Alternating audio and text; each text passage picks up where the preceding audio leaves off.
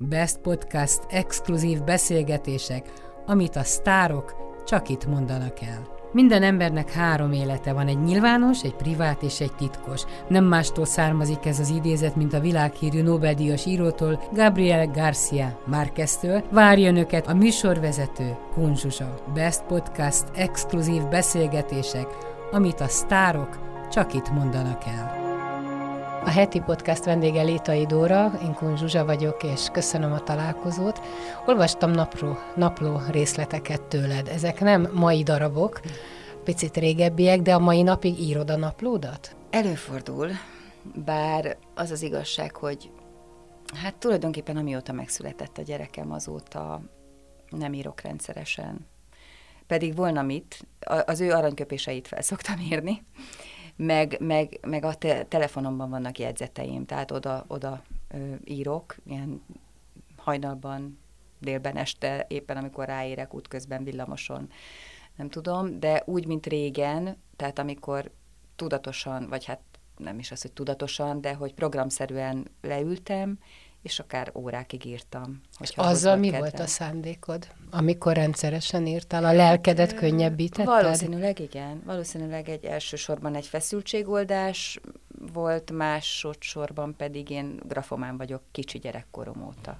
Tehát anyukám pont nemrég mondta, hogy megtalálta a pincében a az alsó tagozatos füzeteimet, és hogy ilyen négy-öt oldalas fogalmazásokat írtam tíz éves koromban. Meg én is emlékszem, hogy én voltam az, aki nem fejeztem, mert mindenki befejezte, beszették a füzeteket, és még mindig írtam, még mindig írtam. Nem és akkor miért nem írsz még mindig? Hát azért, mert közben színész lettem. Ja, bocs. Ezt el is felejtettem. Egyébként nagyon a kettő nem zárja ki egymást. Hát persze, hogy nem, főleg a mostani időkben abszolút nem zárnák ki egymást, de ez is olyan fura, hogy hogy amikor az ember be van feszülve attól, hogy ilyen helyzetben vagyunk, és ennyire nincs munka, vagy ennyire bizonytalan a munka, meg ennyi minden elveszett, meg ennyi mindentől kell félni, akkor érdekes módon, amikor volna idő, akkor pont nem. akkor nem ír. Hát legalábbis én, sajnos. Emma lányod örült, hogy otthon voltál? Mert ez egy ajándék is lehet egy gyereknek, hogy végre annyit van velem anya, amennyit csak álmomban nem gondoltam. Nagyon örült, annak is, hogy ő otthon volt, mert ugye mi a pandémia alatt mi visszaköltöztünk anyukámhoz, mert ugye ott kertes ház van, meg nagy család van, és ott még, tehát mégsem egy lakásban gubbasztottunk hónapokig, és hát annak nagyon örült. Hát ugye annak nem annyira, amikor otthon kellett tanulni, de mondjuk annak én sem, mert lepkeállóval vadásztam a gyerekemet, hogy elfogjam, hogy, hogy tanuljunk, mert hát ugye az otthon nem, hát először is én nem vagyok tanítónén, én anya vagyok, tehát én aztán csináltok bármit, ugye én nem vagyok pedagógus, meg nincs akkora tekintélyem, mint egy tanítónéninek, úgyhogy ez egy nehéz dolog volt ez az otthon tanulás. Látod, az asszonyok meg az emberek, férfiak is küzdöttek az önállóságért, hogy a több generáció a szétrobbanjon, és azért nem volt egy nagyon buta dolog, amikor nagyszülők, dédszülők, szülők, meg volt ebben a konfliktus persze bőségesen, tehát kellett alkalmazkodni, de azért mégiscsak jó volt ugye, amikor együtt volt a család, és az is lenne a kérdésem rögtön, hogy éltél te valahogy így, hogy nagyszülőkkel, meg felmenőkkel? Persze, nagyon sokáig, hiszen az én édesanyám ahol most is laknak, apukámmal, sőt a bátyámmal és az ő gyerekeivel is. Tehát ők ott maradtak? Ők ott maradtak abban a családi házban, ahol még édesanyám született. Ők öten voltak testvérek. Ezt még a századforduló környékén építették ezt a házat, és amikor a tízes években vették meg a, a dédszüleim. És a édesanyám még ott születtek, ott nőttek fel, mi is ott születtünk a bátyámmal, mi is ott nőttünk fel, és akkor még élt a nagymamám, nagypapám, tehát ez így volt, hogy az alsó szinten ők voltak, fönt mi voltunk négyen, és teljesen jó együttélés volt, és hát a család többi része, az anyukám többi testvére és unokatestvérek, tehát ez a nagy család, ami még most is nagy család, hozzánk jártak ugye a, a, a szülői házba minden ünnepkor, karácsony, húsvét, szülinap, és ott az ebédlőben egy hatalmas kihúzott asztalnál, hát minimum 20 ember volt minden ünnep, de ez még most is így van. Te akartál nagyon elköltözni, vagy elfogyott a hely otthon? Tulajdonképpen, hát én, amikor fölvettek a színművészetire, hát én akkor 19 éves voltam, mert én évvesztes vagyok, de gyakorlatilag az érettségi közben vettek föl, szóbeli és írásbeli közben, meg volt már a harmadik rosta, és én már úgy mentem szóbelizni, hogy fel voltam véve. És és képzeld el, hogy elkezdtem járni a színművészetére, és bármennyire imádtam otthon lenni, meg imádtam a szüleimet, meg bármennyire volt meleg és békés és biztonságos otthon, az otthonunk. én a főiskolán fél év múlva bekönyörögtem magam a kollégiumba. Vagy talán éppen ezért, mert hogy ilyen volt, és azt éreztem, hát ugye fiatalság, bolondság, azt éreztem, hogy hát hát egy művésznek nem jó ez a biztonság, meg ez a szeretet, meg ez a nyugalom, hát ott, ott ugye állandóan meg kell váltani a világot, meg felspannoltnak kell lenni, meg kell, hogy történjenek a dolgok, tehát hogy, hogy valamitől azt éreztem, hogy igen, nekem most, nekem most oda kell teljesen adnom magam. Joggal gondolhattam, joggal gondolhattam, de, de ma már... ma nem de, így gondolom. De ma, már, de ma már úgy gondolom, hogy borzasztóan fontos szerintem egy biztonságos, békés háttér. Pont azért, hogy onnan aztán el lehet menni megőrülni, meg meghalni, meg gyilkossá válni, meg bármivé válni, meg bár, bármilyen módon feloldódni valamilyen szerepben, vagy valamilyen munkában de nagyon kell ez a, ez a megnyugvás és ez a kiegyensúlyozottság. Izelitől meghallgathatunk egy-egy nap, napró, na nézd, napló részletet tőle? Nem könnyű kimondani. Nem, remélem, igen. remélem nekem nem kell kimondanom, hogy napló részlet. Ez tényleg nehéz szó, napló? Napló részlet, nehéz, nehéz. Ez a vidéki színészi korszakomból, 98-ból, tehát most már 13 évvel ezelőttről van. Hát csak egy picit jó, ez még nem túl vidám, ha nem baj. Semmi nem baj. Minden úgy jó, úgy van. Levelek a színészházból. Pocsékul érzem magam.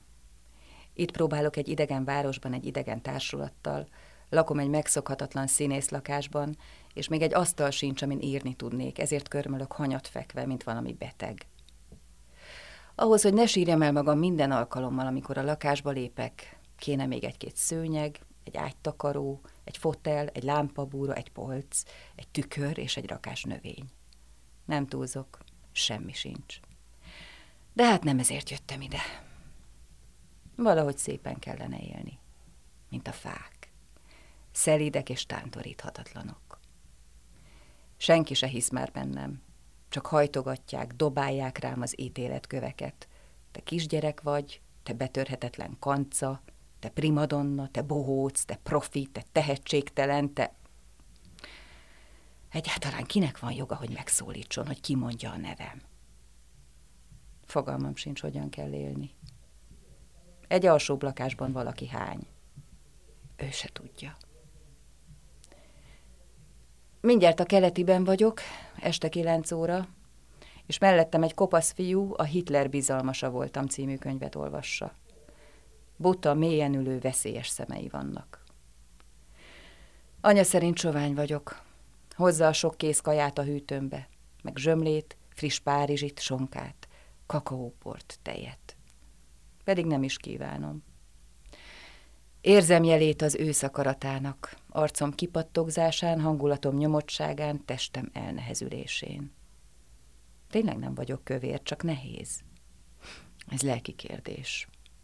Egyszer azt mondta nekem a végvári, nézem, nézem a színpadon a Dórit, és azt látom, hogy az egyik pillanatban kövér, aztán öt perc múlva, amikor ránézek újra, elcsodálkozom, hogy jé, milyen sovány. Azt akarom elérni, hogy testileg állandó legyek. A test az lehet a lélek tükre? Tehát ha lelked nehéz, a tested is azzá válik? Nálam igen. Fú, nálam nagyon tetten érhető, vagy testen érhető a hangulatom. De most nagyon általán. sovány vagy. nem vagyok sovány. Nem? Könnyű vagy. Könnyű. Igen. Nem, csak, csak éppen, éppen benne vagyok egy joga kihívásban, egy bikram joga kihívásban, meg egy kicsit méregtelenítek, tehát most nagyon odafigyelek az étkezésre is. Ezt most elhatároztam, hogy decemberben így készülök fel. Pont karácsony ünnepekre. előtt? Hát persze. Ja, de karácsonykor eszem Karácsonykor majd. már majd eszem, igen. Ja, csak de előtte. hogy persze, hogy előtte, előtte egy kis megújulás testileg, lelkileg, az jó. Napló részlet, ez az első vidéki kiküldetésed, idézőjelben kiküldetésed volt? Ez már, képzeld el, ez már a vége volt, ez a harmadik volt. Tehát ez először volt Miskolc, aztán Szeged, mind a két helyen nagy csapatban voltam, és nem voltam ennyire magányos és ennyire elkeseredett. Viszont itt már Zalegerszegen voltam, és egyedül. De hát úgy értem, hogy az addigi csapatom, a rendezők, dramaturgok, színésztársak nélkül, akikkel addig együtt voltunk. És hát itt jöttek ezek a sötét gondolatok.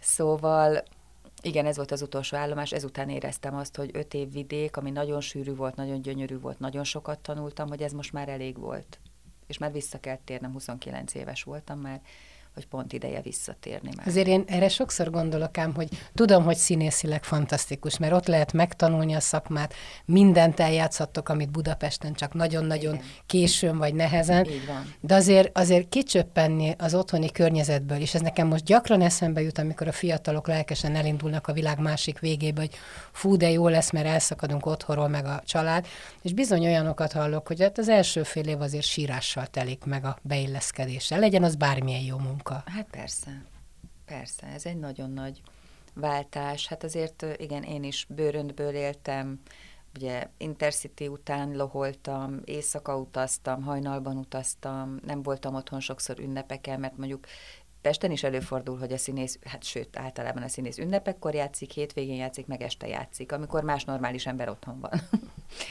De hogyha ez még vidéken is van, akkor esély sincs arra, hogy mondjuk egy háromnapos ünnepente közben hazaszaladj mondjuk egy karácsonyi ebédre, vagy egy vasárnapi szülinapi köszöntésre, vagy egy húsvét hétfőre, hogyha lent játszol a színházban. A lent az mondjuk azt jelenti, hogy 300 kilométerre innen. Pénzed volt? Hát figyelj, akkor nagyon rossz színházi fizetések voltak. Szerintem most sem olyan jó. Mo- hát persze, hogy nem, igen. de igen, szerintem nem is nagyon változtak. Igen, ezek de, nem változtak. De, de akkoriban tehát én úgy emlékszem, hogy például ez a legerszegi színészi fizetésemből így kijöttem, tehát így meg tudtam oldani. Nyilván akkor még teljesen máshogy éltünk, tehát hogy meg, hát ugye ott, ott semmi másról nem szólt még az élet, csak a színházról. Tehát a színészház és a színház között rohangáltam. Tehát ott nem kellett szép ruha sem, mert el kellett volna menni, nem tudom, tévéfelvételre, vagy bármilyen megjelenésre nem, nem, tehát nem voltak események, nem, nyilván én nem hívtam a színészházba, nem csináltam akkor vendégségeket, vendégségeket, hogy nekem azon kellett ma gondolkodnom, hogy ezt miből teremtem elő. Tehát, hogy nagyon más volt a, ugye nem volt még gyerekem, tehát tehát amikor valaki csak erre koncentrál, ilyen csőlátással, hogy csak a színház, csak a színház, akkor mi a fontos, hogy nem tudom, hogy egészséges legyél, hogy legyen egy jó próbaruhád, amiben kényelmesen tudsz dolgozni, és és ezerrel arra koncentrálsz, a szép jelmezedet meg majd rád adják, meg a fodrásztárban megcsinálják a fejedet. De a, a többi tulajdonképpen mind-mind a munkáról szól. Nagyon készültél arra később, hogy anya legyél? Nagyon készültem, nagyon sokáig, és nagyon sokáig nem jött össze. Tehát azt hiszem, hogy nekem az utolsó pillanatban jött össze. Az utolsó pillanat, az hány éves voltál? 41 voltam, amikor megszültem az emmát. Jézusom, az tényleg késő. Hát nem tudom. És mi volt az oka, hogy nem jött össze? Hát ez tulajdonképpen most így, ha belegondolok, akkor azt kell, hogy mondjam, hogy tulajdonképpen a pályám, tehát ez a hektikus pályám, tehát hogy a vidéki éveim alatt nyilván szóba sem jöhetett, mert az az életforma az nem egy gyerekes életforma. Utána feljöttem, visszajöttem Budapestre szabadúszónak, ami szintén egy totál bizonytalan színészi élet, tehát hol van munka, hol nincs, hol itt van, hol ott van. Mondjuk nekem volt, tehát nekem ugye a 2000-es évek elején volt, ugye akkor forgattam a torzókat, akkor hívtak a Karintira, a Centrába, a Radnótira, a Táliába, tehát éppenséggel volt munkám, de, de hát kiszámíthatatlan volt, és, és nyilván sodródtam az árral, és nem tudom, ebben, ebben éltem még nagyon, Azután megjött a sorozat, ami, ami pedig szintén egy olyan kötöttség volt, ez 34 és 39 éves korom között volt, hogy abba hát szintén nem fél. Tehát akkor, akkor azt föl kellett volna adni, hogyha közben jön egy. És mi van, ha a... tovább tart a sorozat 50 éves korodig, akkor? Hát a, nem, hát akkor... Te, akkor döntöttél akkor volna. Akkor döntöttem hogy... volna, persze. Persze. Tehát ez, ez pont úgy jött, hogy pont vége lett a sorozatnak, jó, de hát akkor szerencséd volt, mert a szervezeted nyugodtan mondhatta volna, hogy édes Dórám, addig taktikáztál, hogy lecsúsztál. Hogy nem? lecsúsztál róla. Hát szerencsére ezt azért jól megéreztem. Ügyes vagy. Jól megéreztem, hogy most van az utolsó. Tehát nekem úgy, úgy éreztem, hogy nekem akkor volt az utolsó pillanat. Egyébként ismerünk nőket, akik 45 évesen szültek akár, tehát hogy mondjam, erre Meg ez most ki szabály. is tolódott egyébként. Hát tehát... ez már akkor is kitolódott Igen. az én időmben. És akkor, Ez amikor ilyen ki. jól ment a dolgod, meg a sorod, tényleg rengeteget dolgoztál, elmentél utána két évig, és babáztál. Így van. És akkor nem ijedtél, még, nem ijedtél meg, hogy hogyan vissza? Hogy na, itt véget érhet a karriered, elfelejtik ki a létaidóra, és nem biztos, hogy olyan kapos lesz, mint előtte, ki, kiszaladt a mókuskerékből? Hát én eldöntöttem, én már amikor tudtam, hogy jön a baba, én akkor már rögtön kiiratkoztam az összes szerepemből, tehát én csak anyuka akartam lenni, én erre akartam, én élvezni akartam a terhességet, én rá akartam fókuszálni. Tehát ugyan, ugyanúgy, mint annak idején, vagy előtte csak, csak a pálya, csak a színház, csak a, tehát ez a megszállottság, ugyanilyen most azt gondolom, hogy jó értelemben megszállott módon ö, akartam csak várandós anya lenni. És eldöntöttem, hogy egy éves koráig biztos, hogy otthon maradok a babával. És élveztem. És, és élveztem, abszolút élveztem, és olyan érdekes egyébként a sors, hogy pont egy éves volt, amikor felhívott Quintus Konrád a, a partvonal műhely vezetője, aki akkor a József Attilában dolgozott, hogy, hogy csinál egy beavató színházas Oidipuszt, és abban a Jokászté és a Teiresiás szerepére hát nagyon kellenék. És ez ráadásul egy délutáni előadás volt, és azt hiszem három hetet próbáltunk összesen, és valamikor évad végén volt a bemutatója, nem tudom, májusban, eljátszottuk még kétszer, és aztán jött egy nyári szünet. Tehát ez éppen csak egy ilyen pici kis nagyon jó, de nagyon rövidke munka volt, és délután, tehát nem is az estéget vette el, tehát ezt így nagyon jól be tudtam illeszteni pont az Emma egy éves korában. És akkor ebből jött a későbbi többi József Attilás munka. Emma emlékszik még az édesapjára, Józsa Imrére? Nagyon, nagyon emlékszik. De gondolom ezt te tartod benne, azért te életben tartod ezt a, Persze, ezt a gondolatot. Hát életben tartom, de azért is vannak nagyon élénk emlékei, mert ők nagyon sokat voltak együtt. Hát relatíve, mert ugye négy és fél éves volt, amikor meghalt az Imre. De rengeteget voltak együtt, tehát ő a mai napig, amikor jövünk, megyünk, akkor mondja, hogy itt voltam apával, apa ebbe a játszóházba vitt, emlékszik, hogy Így Visegrád... emlékszik rá? Azt mindenre. Emlékszik, hogy Visegrádon volt apával, akkor nézegetjük a fényképeket, akkor pontosan tudja, hogy itt hol voltak, itt ezt csinálták, itt azt csinálták, minden játékáról tudja, hogy ezt apától kapta, mikor. És mit tud a halálról, Emma? Hú, Hú, nagyon nehezet kérdeztél, mert uh, figyelj, ezt nem tudom, ezt, ezt, ezt nem tudom uh, igazából uh, hova tenni a mai napig. De megmondtad neki, amikor meghalt? Megmondtam. Tehát én úgy gondoltam, hogy, hogy a, a mismásolásnál, meg mindenféle ilyen hülye, ilyen hazugságnál, hogy elutazott, meg nem, tehát nem, hát ez, ez semmi. Tehát, hogy meg kell mondani. Hát meg kell mondani, hogy ez van. Na jó, de hát a, a gyerek ilyenkor a, a, a iszonyatos okos kérdéseit felteszi, amit te magadnak nem tudsz megváltoztatni, hogy na és akkor hogyan tovább? Nem is az, hogy az itt iszonyatos nehéz kérdésem, olyanokat mondott, hogy alig lehetett kibírni. Tehát ugye, szóval ő konkrétan magát hibáztatta. De miért? Hát mert az Imre nagyon beteg volt, és tehát, tehát volt ilyen jelenet, hogy ült a kádban a gyerekem, és akkor egyszer csak sírva fakadt, hogy, hogy apa azért halt meg, mert annyit játszott velem, pedig már úgy fájt a lába, hogy be se tudott Jó, ülni az autóba.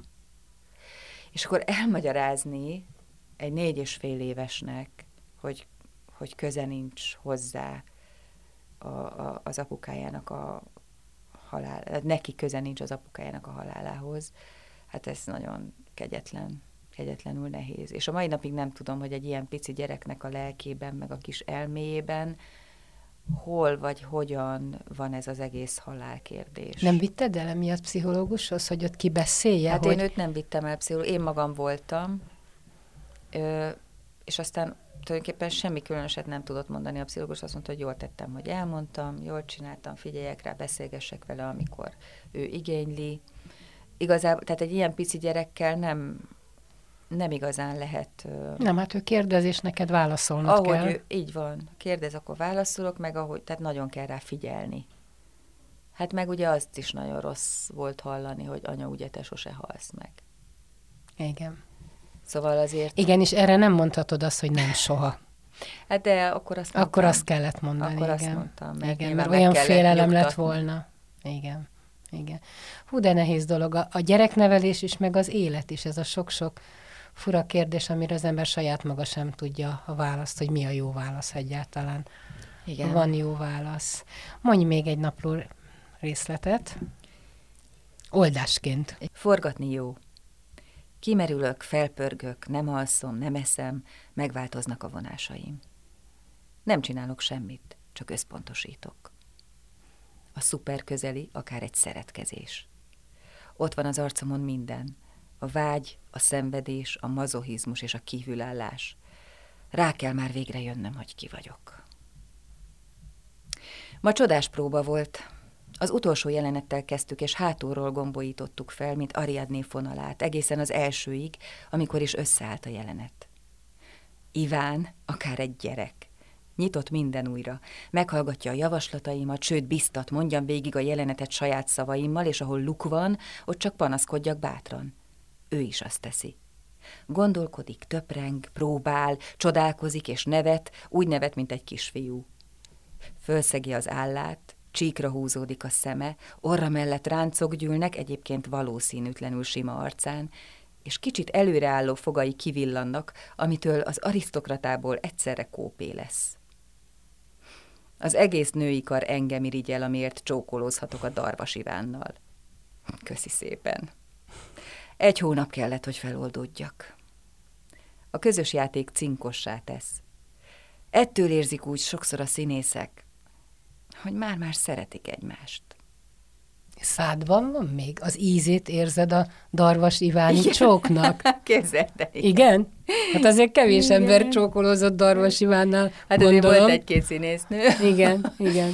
De nem ebben az volt a fantasztikus, hogy, hát, hogy ez az Amadeus című produkció volt Szolnokon, ahol Iván játszott a Salieri-t, Alföldi Robi volt Mozart, én voltam a Konstance, Szikora János rendezte, és az egész előadásban jelen volt a Liszt Ferenc kamarazenekar, és élőben játszották Mozartot, tehát valami gyönyörűséges élmény volt az egész, tehát a mai napig megvannak tényleg az illatok, az érzések, a, meghallok egy Mozart zenét, és elönt ugyanaz a melegség, meg az az izgalom, mint amikor ott be kellett lépni a színpadra, azokban a gyönyörű, Csíkgyuri gyönyörű rokokó ruháiban. Hát szóval nekem az az egyik kedvencem volt. De akkor nem csodálkozol, te, mint színésznő azon, Igen. ha mondjuk elvarázsol a színpad, és azt hiszed, hogy valóban beleszeretsz a partneredbe. És lejössz a színpadról, és az érzés még tovább dúl, csak mondjuk az eszed mondatja, hogy na, itt nem szabad tovább menni, mert másról szól. Hát ez fiatal koromban előfordult természetesen többször is.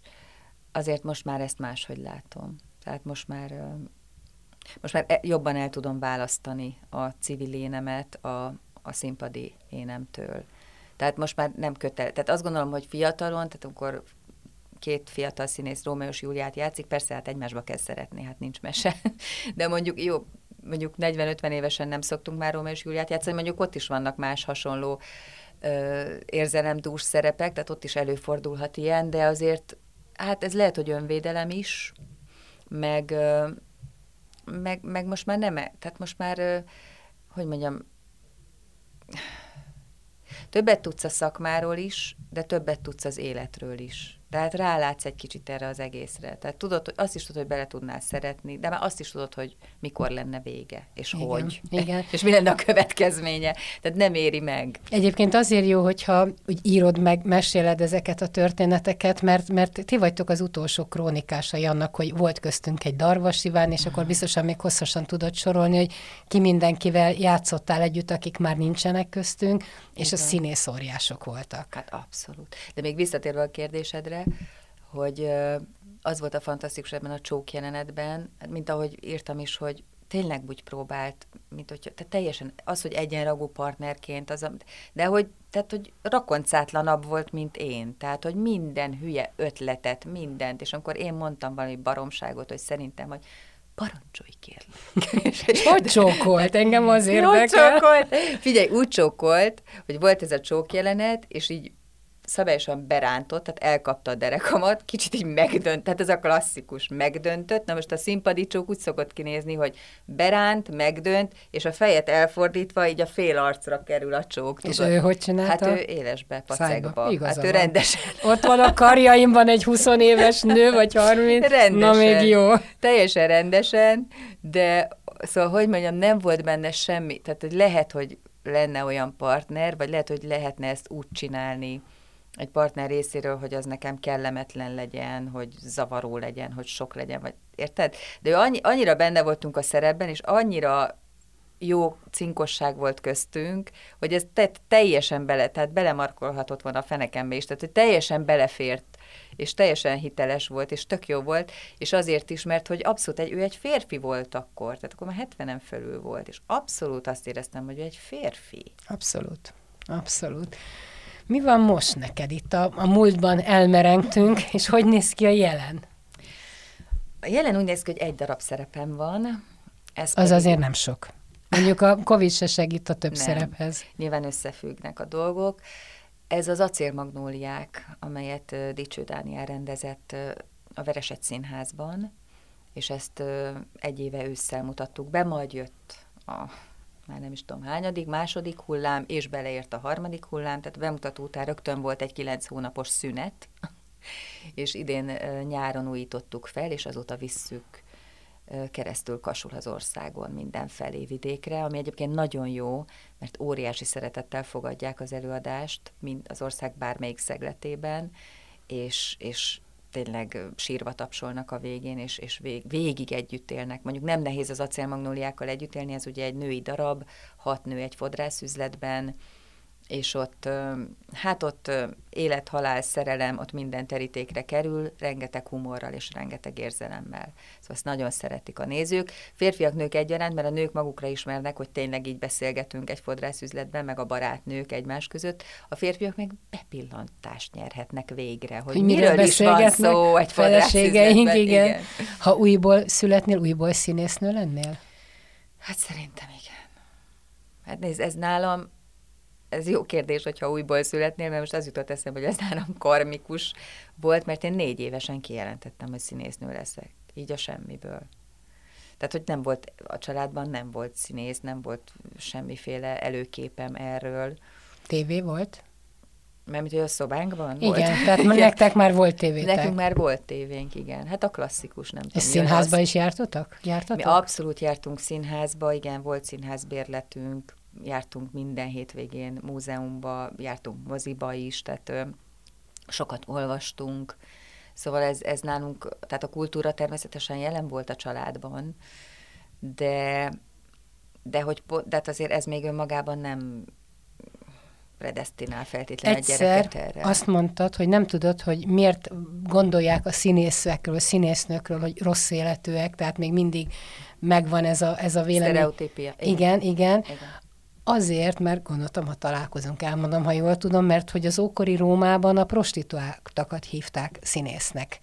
Tehát innen ja. ered a, a legenda, hogy, hogy csak azok mehettek színpadra. Hát szerintem ezt azok a szexista macsók, akik még mindig azt gondolják, hogy hogy színésznő egyenlő, most nem akarom kimondani, hogy... De van még ilyen szerinted? Hát, hogyne? Persze. Hogy nem is munka, azt tudom, tehát, hogy szórakozásból vagytok színpadon. Persze, persze, szórakozunk, csak a csillogás és egy végtelenül ledér. Hát nekem volt egyébként egy olyan udvarlóm, aki egy, hát egy ilyen... De szépen mondtad, ezt régen mondták így, hogy igen, udvarlóm. hát tulajdonképpen az volt, igen. Hát ez a a, se el, előtte, se utána nem volt ilyen, és szerintem nem is lesz. Általában nekem a párkapcsolataim mindig a, a pályámhoz kötődtek. Hát valószínűleg azért ott voltam a legtöbbet. Pedig neked mondjuk egy orvos tudnék elképzelni, valami igen, komolyabb embert. Mert, igen, mert az a keveset találkoznak, mert ő is ügyel három napig, én is játszom vala. Persze, ezt mondták többen, igen, hogy az orvos színész az azért Az egy jó párosítás. Egyébként, hogy lehet, hogy jó párosítás, meg megértik, megértik ezt az elhivatottságát a másiknak. Igen. De simán lehet. Meg egyébként tulajdonképpen mind a kettő ha úgy veszed, akkor boncolgatja az embert. Igen, de mennyire? szóval... Na, várja, valamit akartam jó. mondani csak. Ja, hogy ez a, igen, hogy volt egy udvarlóm, ő egy tipikus japi volt, tehát ilyen, hát ez, ez sem most volt, már nem is tudom mikor, múlt század közepén, de tényleg, tehát akkor is ilyen 31 néhány éves koromban, és, és ő hát valamilyen multicégnél volt valamilyen, nem tudom, milyen osztályvezető, nem tudom, mi jó öltönyökben menő kocsival, nem tudom, tehát izé. Mondjuk már az kicsit fura volt, hogy így nem nagyon tudtam vele miről beszélgetni. szóval, hogy, tehát, hogy az engem zavart, hogy valaki nem olvasta a Mester és Margaritát. Szóval, hogy nem volt buta fiú, tehát nem erről van szó. Csak máshogy volt okos. Teljesen máshogy volt okos, és, és hát a, a kultúránk az nagyon eltérő volt, és akkor egyszer azt hiszem, hogy ott lett vége, amikor elmesélte nekem, hogy ő most hazament vidékre, és beszélt az édesanyjának rólam. És ezt tulajdonképpen ilyen csillogó szemmel mondta, tehát még csak nem is érezte, hogy mennyire gáz, amit kimond a száján. Azt mondta, hogy, és képzeld el, elmondtam anyámnak, hogy beleszerettem egy rossz nőbe. és ott vége. Elmondtam, Ez hihetetlen. Viszontlátásra. Ez hihetetlen. És ez a 21. század Hát azért. ez a 21. század egyik társadalmunk egyik vezető rétegének jeles Na kerüld ezeket tagja. a vezetőket. Ahogy mondtad, hogy nem volt színész a családban, viszont volt két nagyon ismert felmenőd, amiről nem igazán szoktál mesélni. Az egyik Kressz Géza, Igen, másik... pont orvos, ha már az, or- igen, az orvos, orvos igen. Igen, Kressz Géza, az ükapám, igen. Igen, a Magyar Mentőszolgálat megalapítója. És mennyire él a családban Kressz Géza legendája? Abszolút, ott van a falunkon a képe egy ovális keretben. Amúgy is a szülői ház, amiről beszéltem, tele van ö, családi fotókkal. Tehát van nálunk egy ilyen nagy ö, falépcső a házban, és ott ö, rengeteg... Ez egy ilyen ódonkastély? Vagy hát ódonház? Nem, ódonház inkább, nem kas, kastélyt idézőjelben, igen, de... de egy ilyen filmjelenet igen, jut eszembe, igen. igen. Abszolút. Egy száz éves ház. Szellemek visszajárnak. Hát azok talán nem, nem, hál' Istennek nem, tehát nagyon jó a hangulat, tehát nekem mindig, tehát nekem az az otthon igazából. Hát nem csodálom. És, és tényleg ott az előszoba falon, ott, ott két centinként az összes családi kép, az összes felmenőről, régi fotók, festmények, képek a régi házról, a öt gyerekről, a nagymamámék, a nagypapámék, a rengeteg, még a kis masnis unokák, ilyen kis furcsa, még a fiúkat is ilyen szoknyába öltöztették, és a Kreszgézáról is ott van fotó természetesen. Ez ki a másik? felmenő, aki ismert híres Nem volt. tudom, kire gondolsz, mert ő, ez az anyai ág, a igen. Géza, és ö, apai ágon a kisfaludi. Kisfaludi, igen. Az írók. Igen. Tehát tulajdonképpen orvos is, meg író is van. Milyen jó lett volna, hogyha orvos vagy író leszek. Még semmi nem késő. Hát, de hogy nem. Nekem Vagy volt olyan tudom. interjú alanyom, 90 valahány éves volt, és a Szegedi Egyetem hallgatója, a sokadik diplomáját szerezte éppen. Na, és ennek van egy tantárgya is egyébként, ez az időskori, nagyon időskori tanulásnak, uh-huh. tehát semmi nem késő. Hát egyébként főleg mostanában úgy is el kell gondolkodni az, hogy mit csináljunk, mert nagyon jó dolog színésznek lenni, tudod, a, van a Libikókat című csodálatos kétszemélyes darab, és abban kérdezi a színésznő, hogy vagy nem ő, ő talán táncos nő? Hú, most nem tudom. De igen, ő talán táncos nő. És ezt kérdezi, hogy és ha nem vagyok táncos nő, akkor mi vagyok? És ez most egy abszolút általános kérdés szerintem köztünk. Egyébként én azt gondolom, hogy a, ahogy a fiatal színészek, már a nálad fiatalabbak is, mert Igen. nem fura, hogy már van egy-két generáció mögötted, tehát ők már azért ilyen több lábas színészek sok esetben, hát azt igen. látom. Tehát ők már rájöttek arra, hogy hogy, hogy csak színészetből meg lehet elvileg élni, csak hát nagyon bizonytalan. Meg mindegyik pálya bizonytalan. Igen, de mondjuk ez különösen most. Igen. Tehát mondjuk, igen. De mihez lenne nagy kedved, mondjuk azon kívül, hogy játszál? Hát jó, mondjuk, hát azért, azért, azért nekem még nagy kedvem lenne forgatni. Jó, hát ez ugyanaz a szakma. hát ugyanaz a szakma, de azért ebből, ebből hiányom van. Tehát azért én nem forgattam ki magam, hogy úgy mondjam mert, mert volt egy időszak, amikor, amikor forgattam, tehát akár ugye a torzók, akár a jóban rosszban, meg több tévéjáték, meg több minden volt, de aztán utána egy óriási szünet következett. És, és azért az, az így nekem hiányzik. Tehát én még, én még azt gondolom, hogy, hogy ezt még lehetne, lehetne folytatni, úgyhogy járok is szorgalmasan castingokra, tehát, hogy néz ki a, egy ilyen casting? A te, te szemüvegeden át? Hát nézd. Húspiac vagy? Nem. Nem? Nem, nem, nem. Ö, ezt is el lehet fogadni. Tehát én tudom, hogy sokan megsértődtek ezen színészek, és mondjuk elhiszem... Hát az idősebb színészek, igen. Hogy az idős, igen, tehát abszolút elhiszem, de mondjuk már én is mondhatnám, én is valamennyire idősebb színész vagyok, tulajdonképpen 30 év vagyok a pályán, tehát is mondhatnám, hogy most mi van, most tényleg nem tudjátok, hogy eddig nem tudjátok, hogy mit tudok, nem tudjátok, hogy eddig mit csináltam. Hát nem biztos, hogy tudják.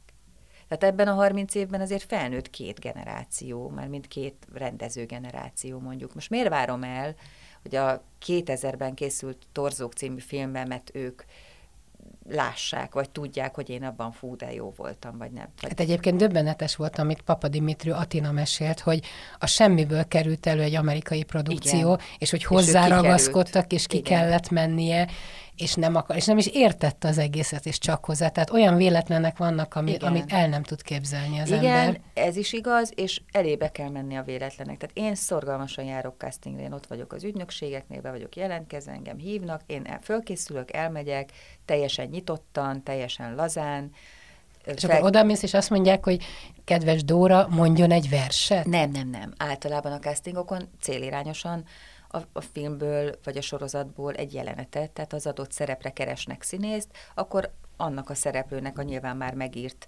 jelenetéből kell. Tehát adnak két-három jelenetet, azt szépen megtanulod otthon, átgondolod, elmondják, hogy milyen karakter, de nem akarod ilyenkor túljátszani, hogy nagyon-nagyon megfelelj?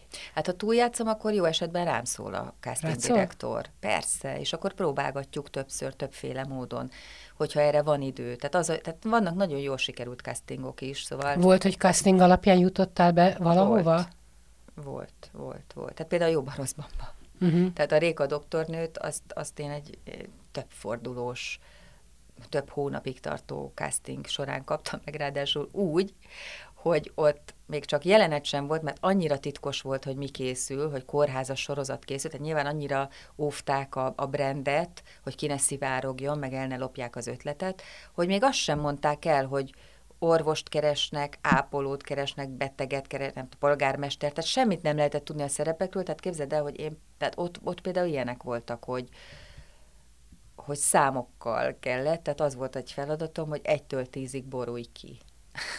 De ezt hogy kell csinálni? Hát ugye elkezdesz számolni, egytől és egyre jobban az a, szöveget, az a szöveget, hogy 1, 2, 3, 4, 5, 6, 7, 8, 9, 10, és akkor ezzel azt kezdesz, amit akarsz, de borulj ki.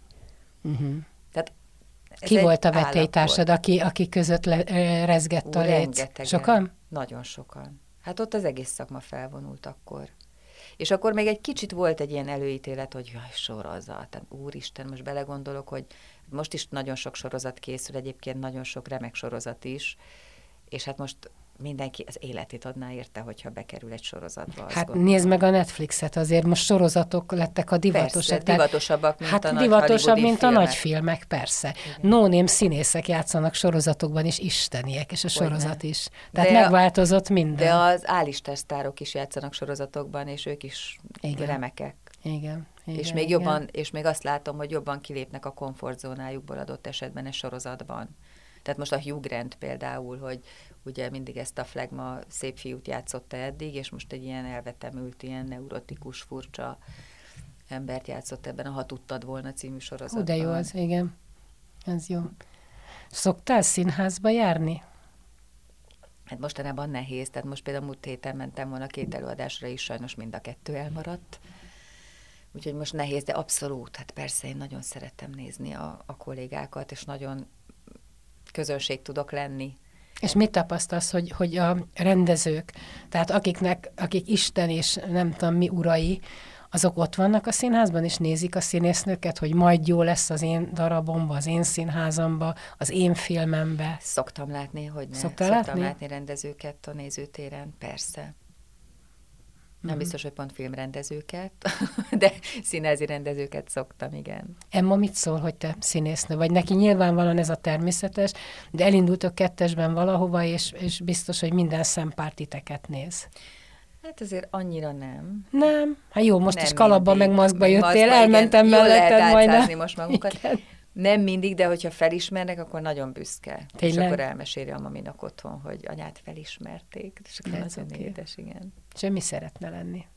Természetfotós.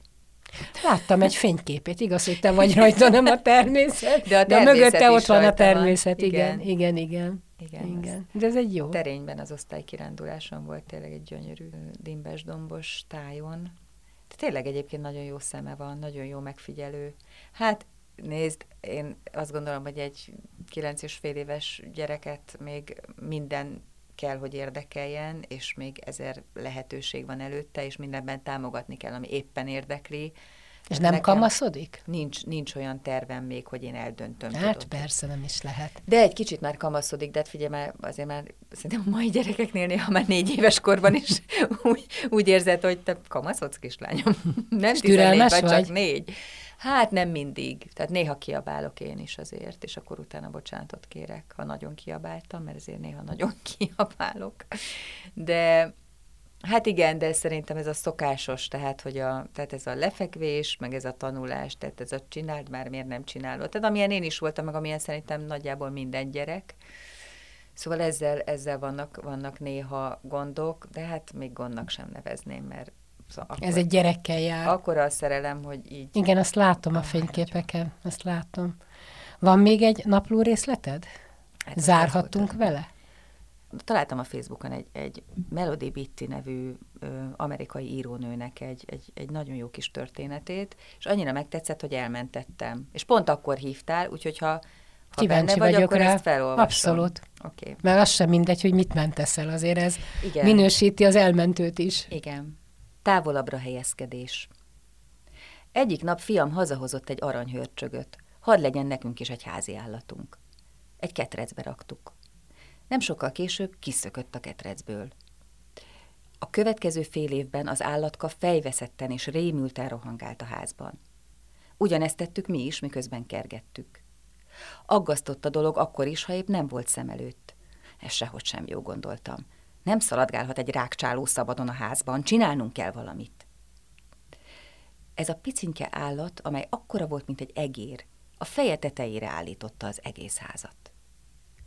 Egyik nap a nappaliban ültem, és megláttam, amint az állat átszágult az előszobán. Eszemet vesztve automatikusan felugrottam, hogy elkapjam. Aztán leállítottam magam. Nem, mondtam. Ebből elég. Ha ez az állat itt akar velünk élni a ház zegzugaiban, felőlem megteheti. Többet nem aggódom miatta. Nem vadászom rá. Furán éreztem magam, de kitartottam. Egész jól beleszoktam, mármint abba, hogy nem reagálok rá sehogy. Kis idő múlva teljesen megbékéltem vele. Nem küzdöttem többé a hörcsöggel. Egy délután a hörcsög előjött. Mellém állt és várt. Gyöngéden felemeltem, és betettem a ketrecébe, ahol azóta is boldogan éldegél. Mi a történet tanulsága? Ne üldözd a hörcsögödet. Éppen eléggé fél anélkül is. Ha üldözni kezded, még jobban megijed, és megőrjít téged is. A megoldás a távolabbra helyezkedés. Ma jól érzem magam a bőrömben újfajta reagálási módommal, hogy tudnélik, nem reagálok sehogy. És eltölt a béke. Melody Bitti. Köszönöm szépen, nekem is tetszett. Köszönöm. Létai Dóra volt a vendégem. Best Podcast exkluzív beszélgetések, amit a sztárok csak itt mondanak el. Minden embernek három élete van, egy nyilvános, egy privát és egy titkos. Nem mástól származik ez az idézet, mint a világhírű Nobel-díjas írótól, Gabriel Garcia Márqueztől. Várja önöket a műsorvezető Kunzsuzsa. Best Podcast exkluzív beszélgetések, amit a sztárok csak itt mondanak el.